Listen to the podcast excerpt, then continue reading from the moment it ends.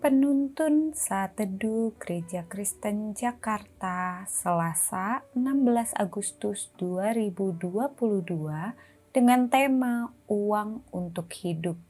Firman Tuhan terambil dari Amsal 30 ayat 7 sampai 9 berkata demikian. Dua hal aku mohon kepadamu, jangan itu kau tolak sebelum aku mati yakni jauhkanlah daripadaku kecurangan dan kebohongan. Jangan berikan kepadaku kemiskinan atau kekayaan. Biarkanlah aku menikmati makanan yang menjadi bagianku, supaya kalau aku kenyang, aku tidak menyangkalmu dan berkata siapa Tuhan itu, atau kalau aku miskin aku mencuri dan mencemarkan nama Allahku. Beberapa waktu belakangan ini tagline pasti cuan yang penting cuan. Cuan, cuan, cuan. Ramai digunakan. Keinginan untuk mendapatkan uang sebanyak-banyaknya menunjukkan kegigihan mereka hidup untuk uang, bukan uang untuk hidup. Bukan tanpa alasan. Hal ini disebabkan karena pandemi COVID berdampak pada kesulitan ekonomi, membuat banyak orang ingin mendapatkan uang dengan cepat dan mudah. Akibatnya, banyak orang mudah tertipu dengan investasi bodong. Bukannya mendapat untung, malah buntung.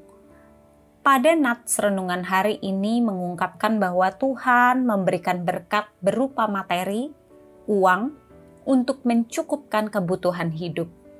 Namun pandangan yang salah terhadap uang sering kali membuat manusia menjadikan berkat Tuhan menjadi penghambat pengenalan mereka akan Tuhan. Sebab tidak selalu kemiskinan yang membuat orang jauh dari Tuhan. Kekayaan yang dimiliki tanpa takut akan Tuhan juga dapat membuat orang Kristen lupa kepada Sang Pemberi kekayaan.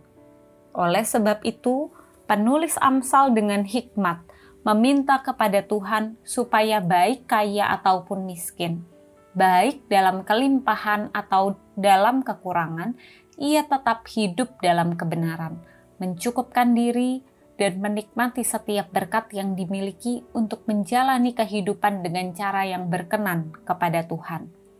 Kiranya hal ini dapat menjadi doa kita setiap hari.